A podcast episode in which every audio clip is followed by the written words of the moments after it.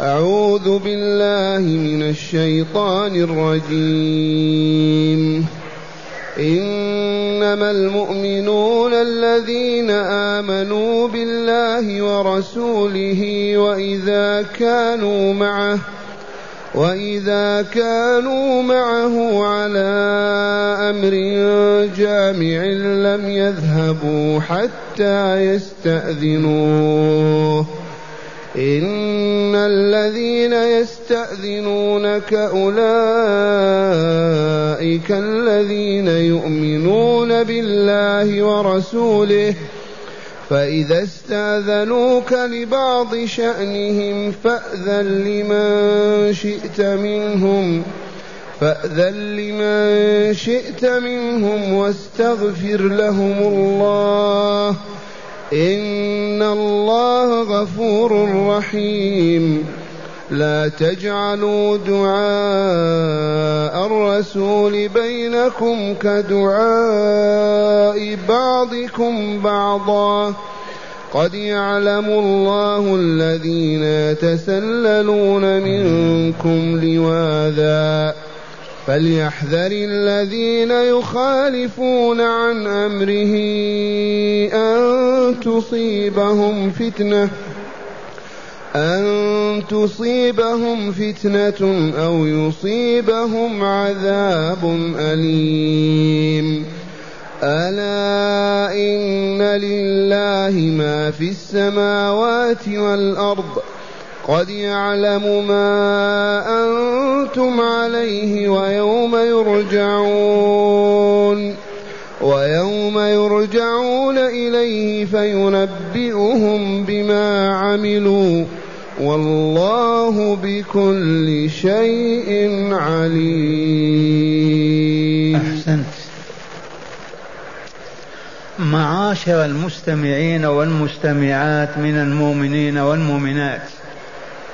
قول ربنا جل ذكره إنما المؤمنون أي بصدق وحق الكمل في إيمانهم الذين آمنوا بالله ورسوله وصدقوا الله وصدقوا رسوله محمدا صلى الله عليه وسلم.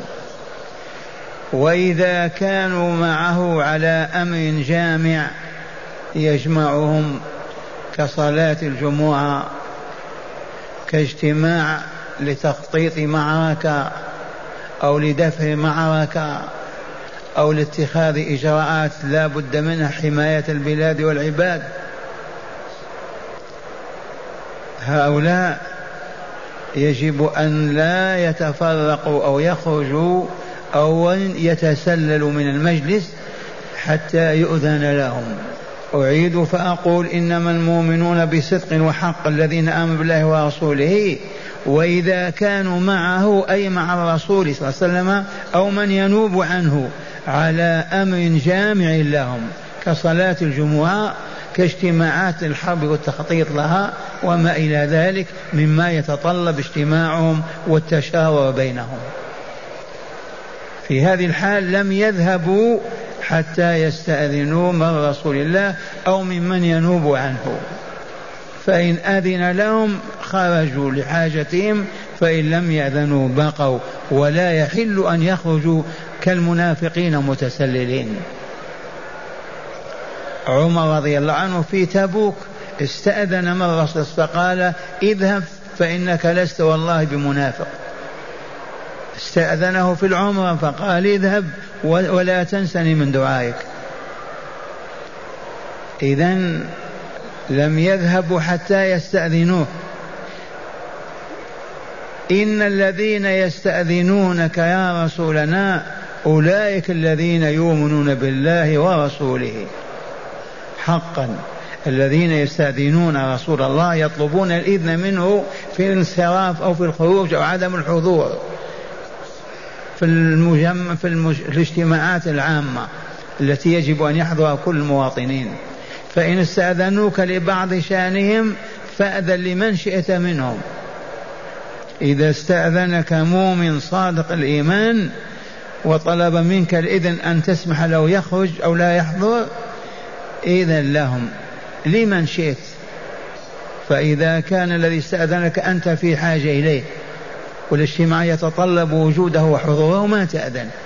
لكن إذا كان ما له علاقة كبيرة بالاجتماع وأذنت له فلا بأس إذن له. فأذن لمن شئت منهم واستغفر لهم الله إذ قد يعتذر الشخص بشيء كأنه متضرر وهو لا ضرر فيه. ما أفصحته. قد يطلب الإذن رجل. بدعوى أن له شغل كذا وكذا والواقع ما هو بشيء. فيترتب عليه إثم وإلا لا فاستغفر لهم يا رسول الله. فإذا استأذنوك لبعض شأنهم فأذن لمن شئت منهم. لماذا؟ لأن هناك من لا يأذن لهم. إذا الاجتماع يتطلبهم ولا بد من حضورهم في أمور هامة جماعتهم. واستغفر لهم واستغفر لهم الله إن الله غفور رحيم. هذا في معنى قد يستأذن أحد المؤمنين بحجة لكن ما هي حجة؟ يستأذن لأجل أمر ما لكن ما هو مهم قد ما يتركه ويحضر. فمن هنا أمره أن يستغفر الله لهم. انتبهتم للنكتة هذه؟ إذن لمن شئت واستغفر. لماذا؟ يأذن لمن شاء. من لم يأذن له ما يمشي. ما يأذن لشخص تترتب عليه الأحداث فإذا أذن للمؤمنين بالله ورسوله يستغفر لهم إذ قد يكون استئذانهم ما هو بحق. تخوفوا أشياء أو ظنوا أن أشياء في بيوتهم أو كذا فاستأذنوا فأذن لهم. إذا يأثمون وإلا لا؟ إذا فاستغفر لهم يا رسولنا إن الله غفور رحيم. ثم قال تعالى وهذه المسألة الآن لها علاقة بالأولى ولكن تنالنا نحن. اسمع ماذا يقول الرب عز وجل لا تجعلوا دعاء الرسول بينكم كدعاء بعضكم بعضا. وانتبهوا. اولا احذروا معصية رسول الله فيدعو الله عليكم فإنكم تهلكون. احذروا مخالفة رسول الله معصية رسول الله إغضاب رسول الله إزعاجه فإنه إن دعا عليكم فدعاء ليس كدعائكم. دعوته لا ترد لا تجعلوا دعاء الرسول بينكم كدعاء بعضكم بعضا. أنتم قد تدعون ولا يستجاب لكم ولكنه إذا دعا استجاب الله له. ومعنى هذا لا تغضبوه لا تقولوا ولا تفعلوا ما يزعجه ما يحمل على الدعاء عليكم. ثانيا لا تجعلوا دعاء الرسول بينكم كدعاء بعضكم بعضا. لا تقل يا محمد أو يا ابن عبد الله. ثبات لا بد وأن تدعوه باسمه العلم محمد أو أحمد أو بالصفة التي هي النبوة والرسالة. لا تجعلوا دعاء الرسول بينكم كدعاء بعضكم بعضا. نعم لا تقولوا يا محمد ولا يا أحمد ولا يا أبا القاسم. بل قولوا يا نبي الله ويا رسول الله. أما في بينكم يا أبا عبد العزيز يا أبا فلان يا فلان يا فلان. لا تجعلوا دعاء الرسول بينكم كدعاء بعضكم بعضا. الوجه الأول احذروا أن يدعو عليكم. لا تجعلوا دعاءه لله كدعائكم أنتم. الثاني إذا ناديتموه لحاجة فادعوه لا تدعوه كما يدعو بعضكم بعضا بل يا نبي الله يا رسول الله. ثالثا أن يكون النداء يا رسول الله. لا بد من اللين والرقة والأدب والإجلال والإكبار. لا تنادي كما تنادي أخاك أو يناديك أخوك. ما نترك هذه الثلاث؟ الأولى نحذر من دعاء الرسول علينا فإنه ليس كدعائنا. ثانيا إذا ناديناه فلنقل يا رسول الله يا نبي الله لا نقول يا محمد ولا يا أحمد. ثالثا فليكون النداء بالرقة واللطف واللين وال, وال والأدب واللين.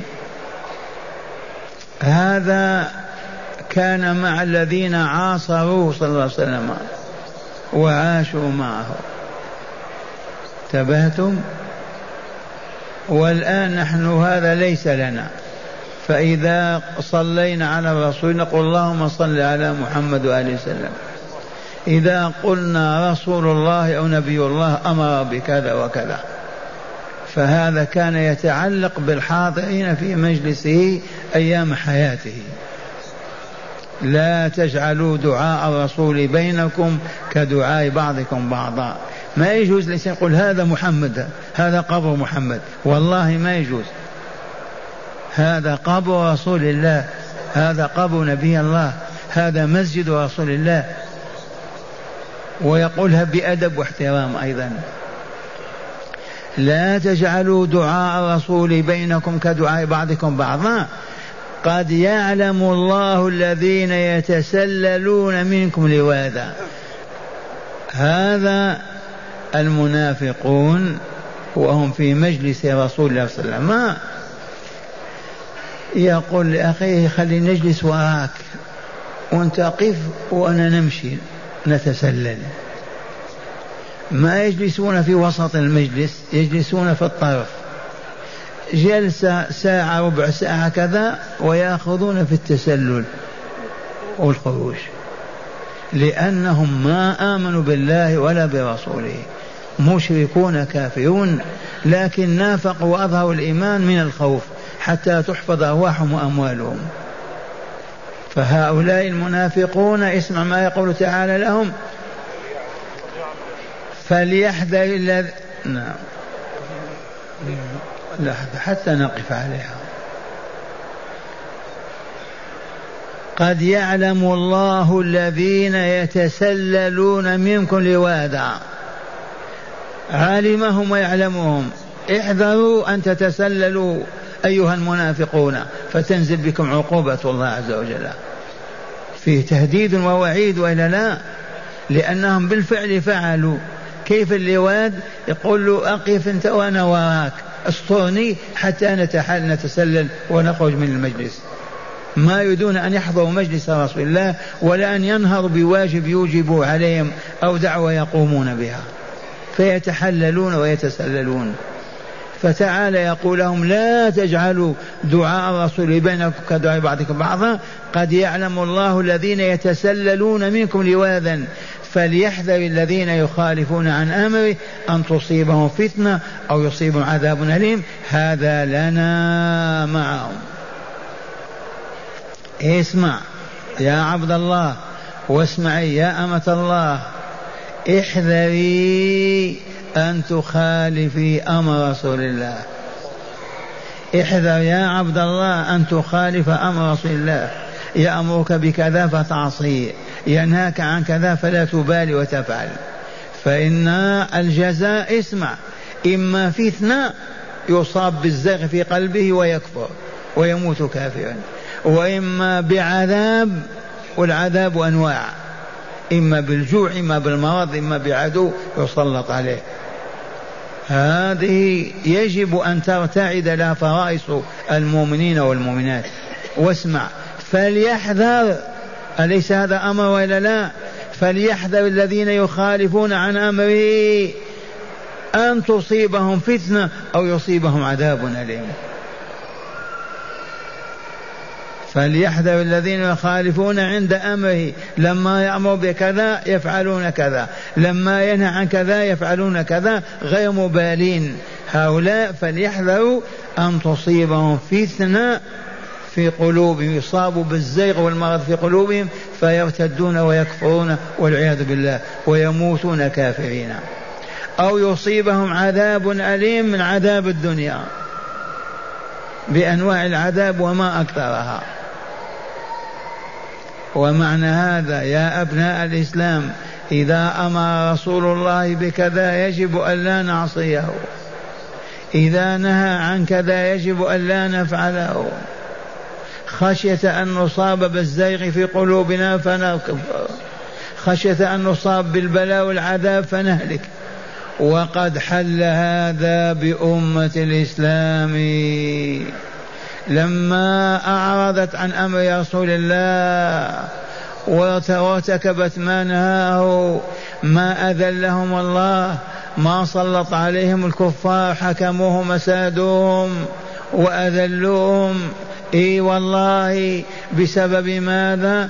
بسبب أنهم عصوا رسول الله في أوامر بالمئات وفي النواهي بالمئات وما بالوا بذلك. فصدق الله فيما أخبر به. فليحذر الذين يخالفون عن أمره في أي زمان وفي أي مكان أن تصيبهم فتنة أو يصيبهم عذاب أليم. فهيا نستعين بربنا ونعمل ما استطعنا. ما نعصي رسولنا ابدا. قال كل بيمينك والله ما نأكل بشمالي ابدا.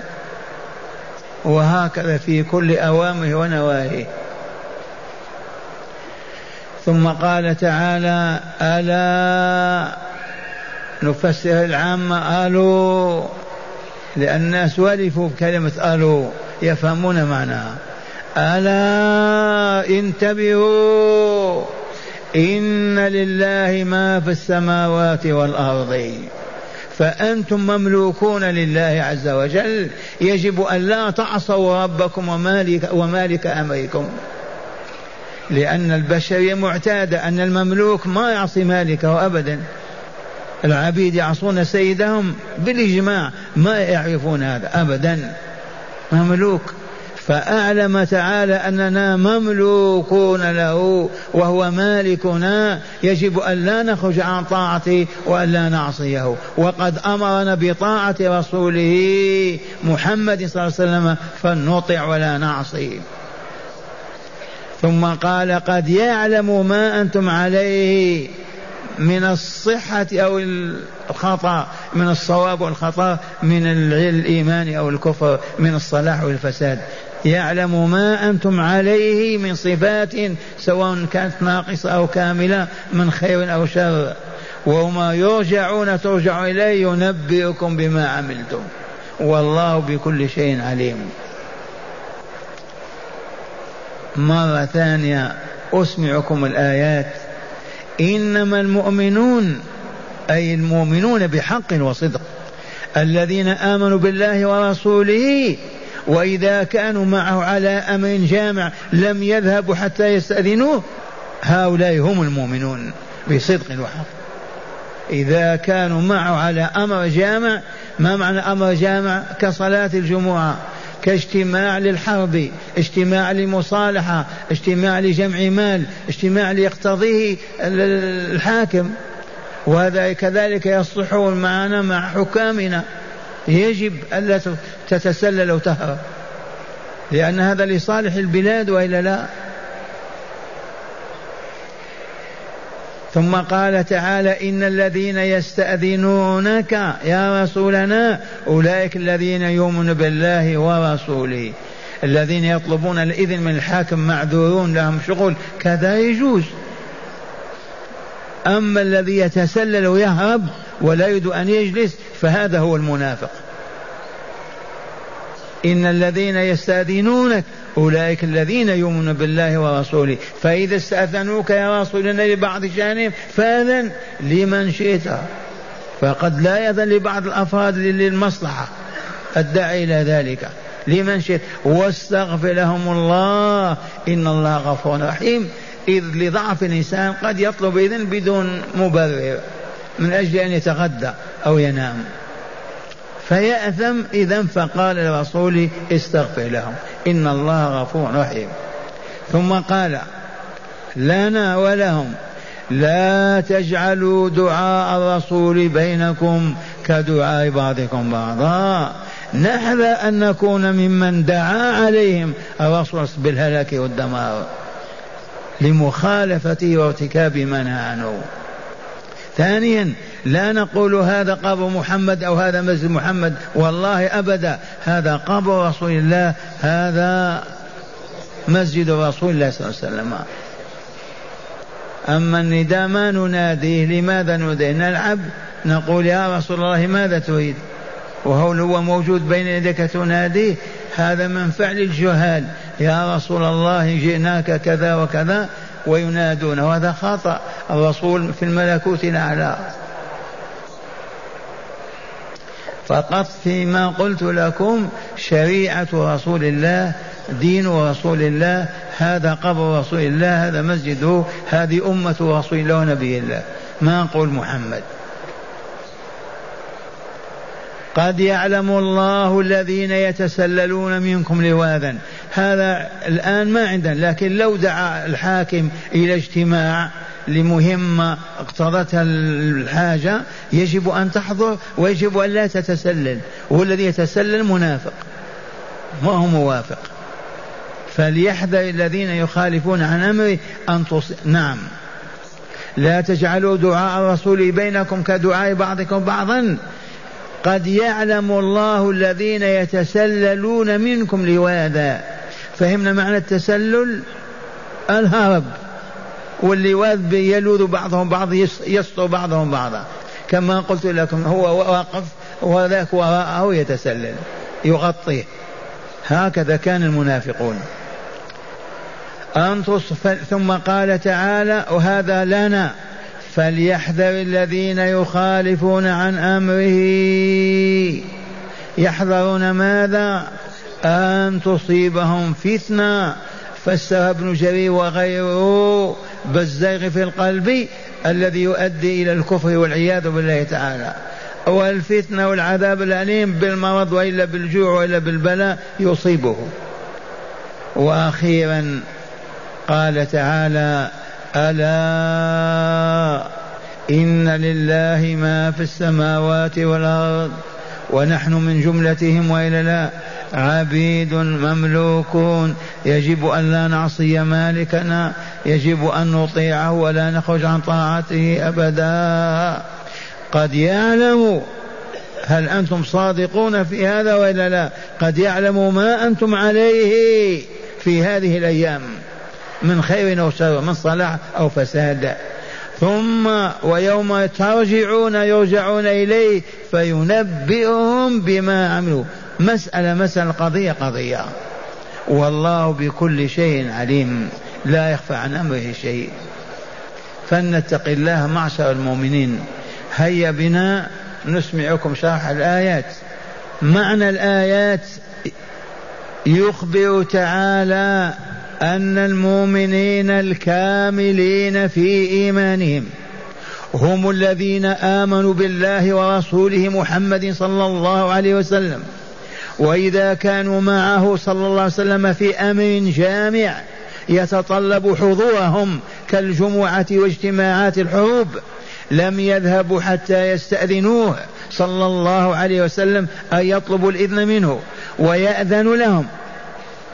هذا معنى قوله تعالى إنما المؤمنون الذين آمنوا بالله ورسوله وإذا كانوا معه على أمر جامع لم يذهبوا حتى يستأذنوه. وقوله تعالى إن الذين يستأذنونك أولئك الذين يؤمنون بالله ورسوله فإذا استأذنوك لبعض شأنهم فأذن لمن شئت منهم واستغفر لهم الله إن الله غفور رحيم. في هذا تعليم للرسول صلى الله عليه وسلم والمؤمنين وتعريض بالمنافقين. فقد أخبر تعالى أن الذين يستأذنون النبي هم المؤمنون بالله ورسوله ومقابله الذين لا يستأذنون ويخرجون بدون إذن هم لا يؤمنون بالله ورسوله وهم المنافقون حقا. وأمر رسول الله صلى الله عليه وسلم إذا استأذنه المؤمنون لبعض شأنهم أن يأذن لهم. أن يأذن لهم. أن يأذن لمن شاء منهم ممن لا أهمية لحضوره. ممن لا أهمية لحضوره ما له أثر يعني. كما أمره أن يستغفر الله لهم لما قد يكون غير عذر شرعي يبيح لهم الاستئذان. وطمعهم في المغفرة بقوله إن الله غفور رحيم. وقوله تعالى ولا تجعلوا دعاء لا تجعلوا دعاء الرسول بينكم كدعاء بعضكم بعضا. هذا يحتمل أمورا كلها حق الأول منها أن أن يحاذر المؤمنون إغضاب رسول الله صلى الله عليه وسلم بمخالفته فإنه إن دعا عليهم هلكوا لأن دعاء الرسول لا يرد فليس هو كدعاء غيره. والثاني ألا يدعو الرسول يا باسمه يا محمد ويا أحمد بل عليهم أن يقولوا يا نبي الله ويا رسول الله. والثالث أن لا يغلظوا في العبارة بل عليهم أن يلينوا أن يلينوا اللفظ ويرققوا العبارة إكبارا وتعظيما لرسول الله صلى الله عليه وسلم. هذا ما تضمنه قوله تعالى لا تجعلوا دعاء الرسول بينكم كدعاء بعضكم بعضا وقوله تعالى قد يعلم الله الذين يتسللون منكم لواذا أعلمهم تعالى أنه يعلم قطعا أولئك المنافقين الذين يكونون في أمر جامع مع رسول الله صلى الله عليه وسلم فيتسللون واحدا بعد آخر بدون أن يستأذنوا متلاوذين في هروبهم من المجلس يستر بعضهم بعضا. وفي هذا تهديد بالغ الخطوره لأولئك المنافقين. وقوله تعالى فليحذر الذين يخالفون عن امره أي أمر رسول الله صلى الله عليه وسلم وهذا عام للمؤمنين والمنافقين وإلى يوم القيامة. فليحذروا أن تصيبهم فتنة وهي زيغ في قلوبهم فيموتوا كافرين والعياذ بالله. أو يصيبهم عذاب أليم في الدنيا والعذاب ألوان وصنوف. وقوله تعالى ألا إن لله ما في السماوات والأرض أي خلقا وملكا وعبيدا يتصرف كيف يشاء ويحكم ما يريد. ألا فليتق الله عز وجل في رسوله فلا يخالف أمره ولا يعصى في نهيه. فإن الله لم يرسل رسولا إلا ليطاع بإذنه. وقوله تعالى قد يعلم ما أنتم عليه إخبار يحمل التهديد والوعيد أيضا فيما عليه الناس من أقوال ظاهرة وباطنة معلومة لله عز وجل ويوم يرجعون إليه بعد موتهم فينبئهم بما عملوا من خير وشر ويجزيهم به الجزاء الأوفى. والله بكل شيء عليم. فليحذر أن يخالف رسول الله أو يعصي فليحذر أن يخالف أو يعصى وليتق في أمره ونهيه. فإن نقمته صعبة وعذابه شديد. بعد هداية الآيات نريد أن نستسقي الله الليلة بسم الله والحمد لله. من هداية هذه الآيات أولا وجوب الاستئذان من إمام المسلمين إذا كان الأمر جامعا وللإمام أن يأذن لمن شاء ويترك من يشاء حسب المصلحة العامة. نعم. ثانيا وجوب تعظيم رسول الله صلى الله عليه وسلم وحرمة إساءة الأدب معه حيا وميتا. ثالثا وجوب طاعة رسول الله وحرمة مخالفة أمره ونهيه. رابعا المتجرئ على الاستهانة بسنة الرسول صلى الله عليه وسلم يخشى عليه أن يموت على سوء الخاتمة. ما ننسى هذه بالذات. الذين يستخفون بسنة الرسول ويضحكون ويتهاون بها والله لا يخشى عليهم أن يموتوا على سوء الخاتمة. فلهذا فعلت السنة أو لم تفعلها لا بد من احترامها وإجلالها وإكبارها وإكبار رسول الله وإجلاله. أما إيش فيه كذا وهذا الضحك كذا صاحبه قد يموت على سوء الخاتمة والعياذ بالله.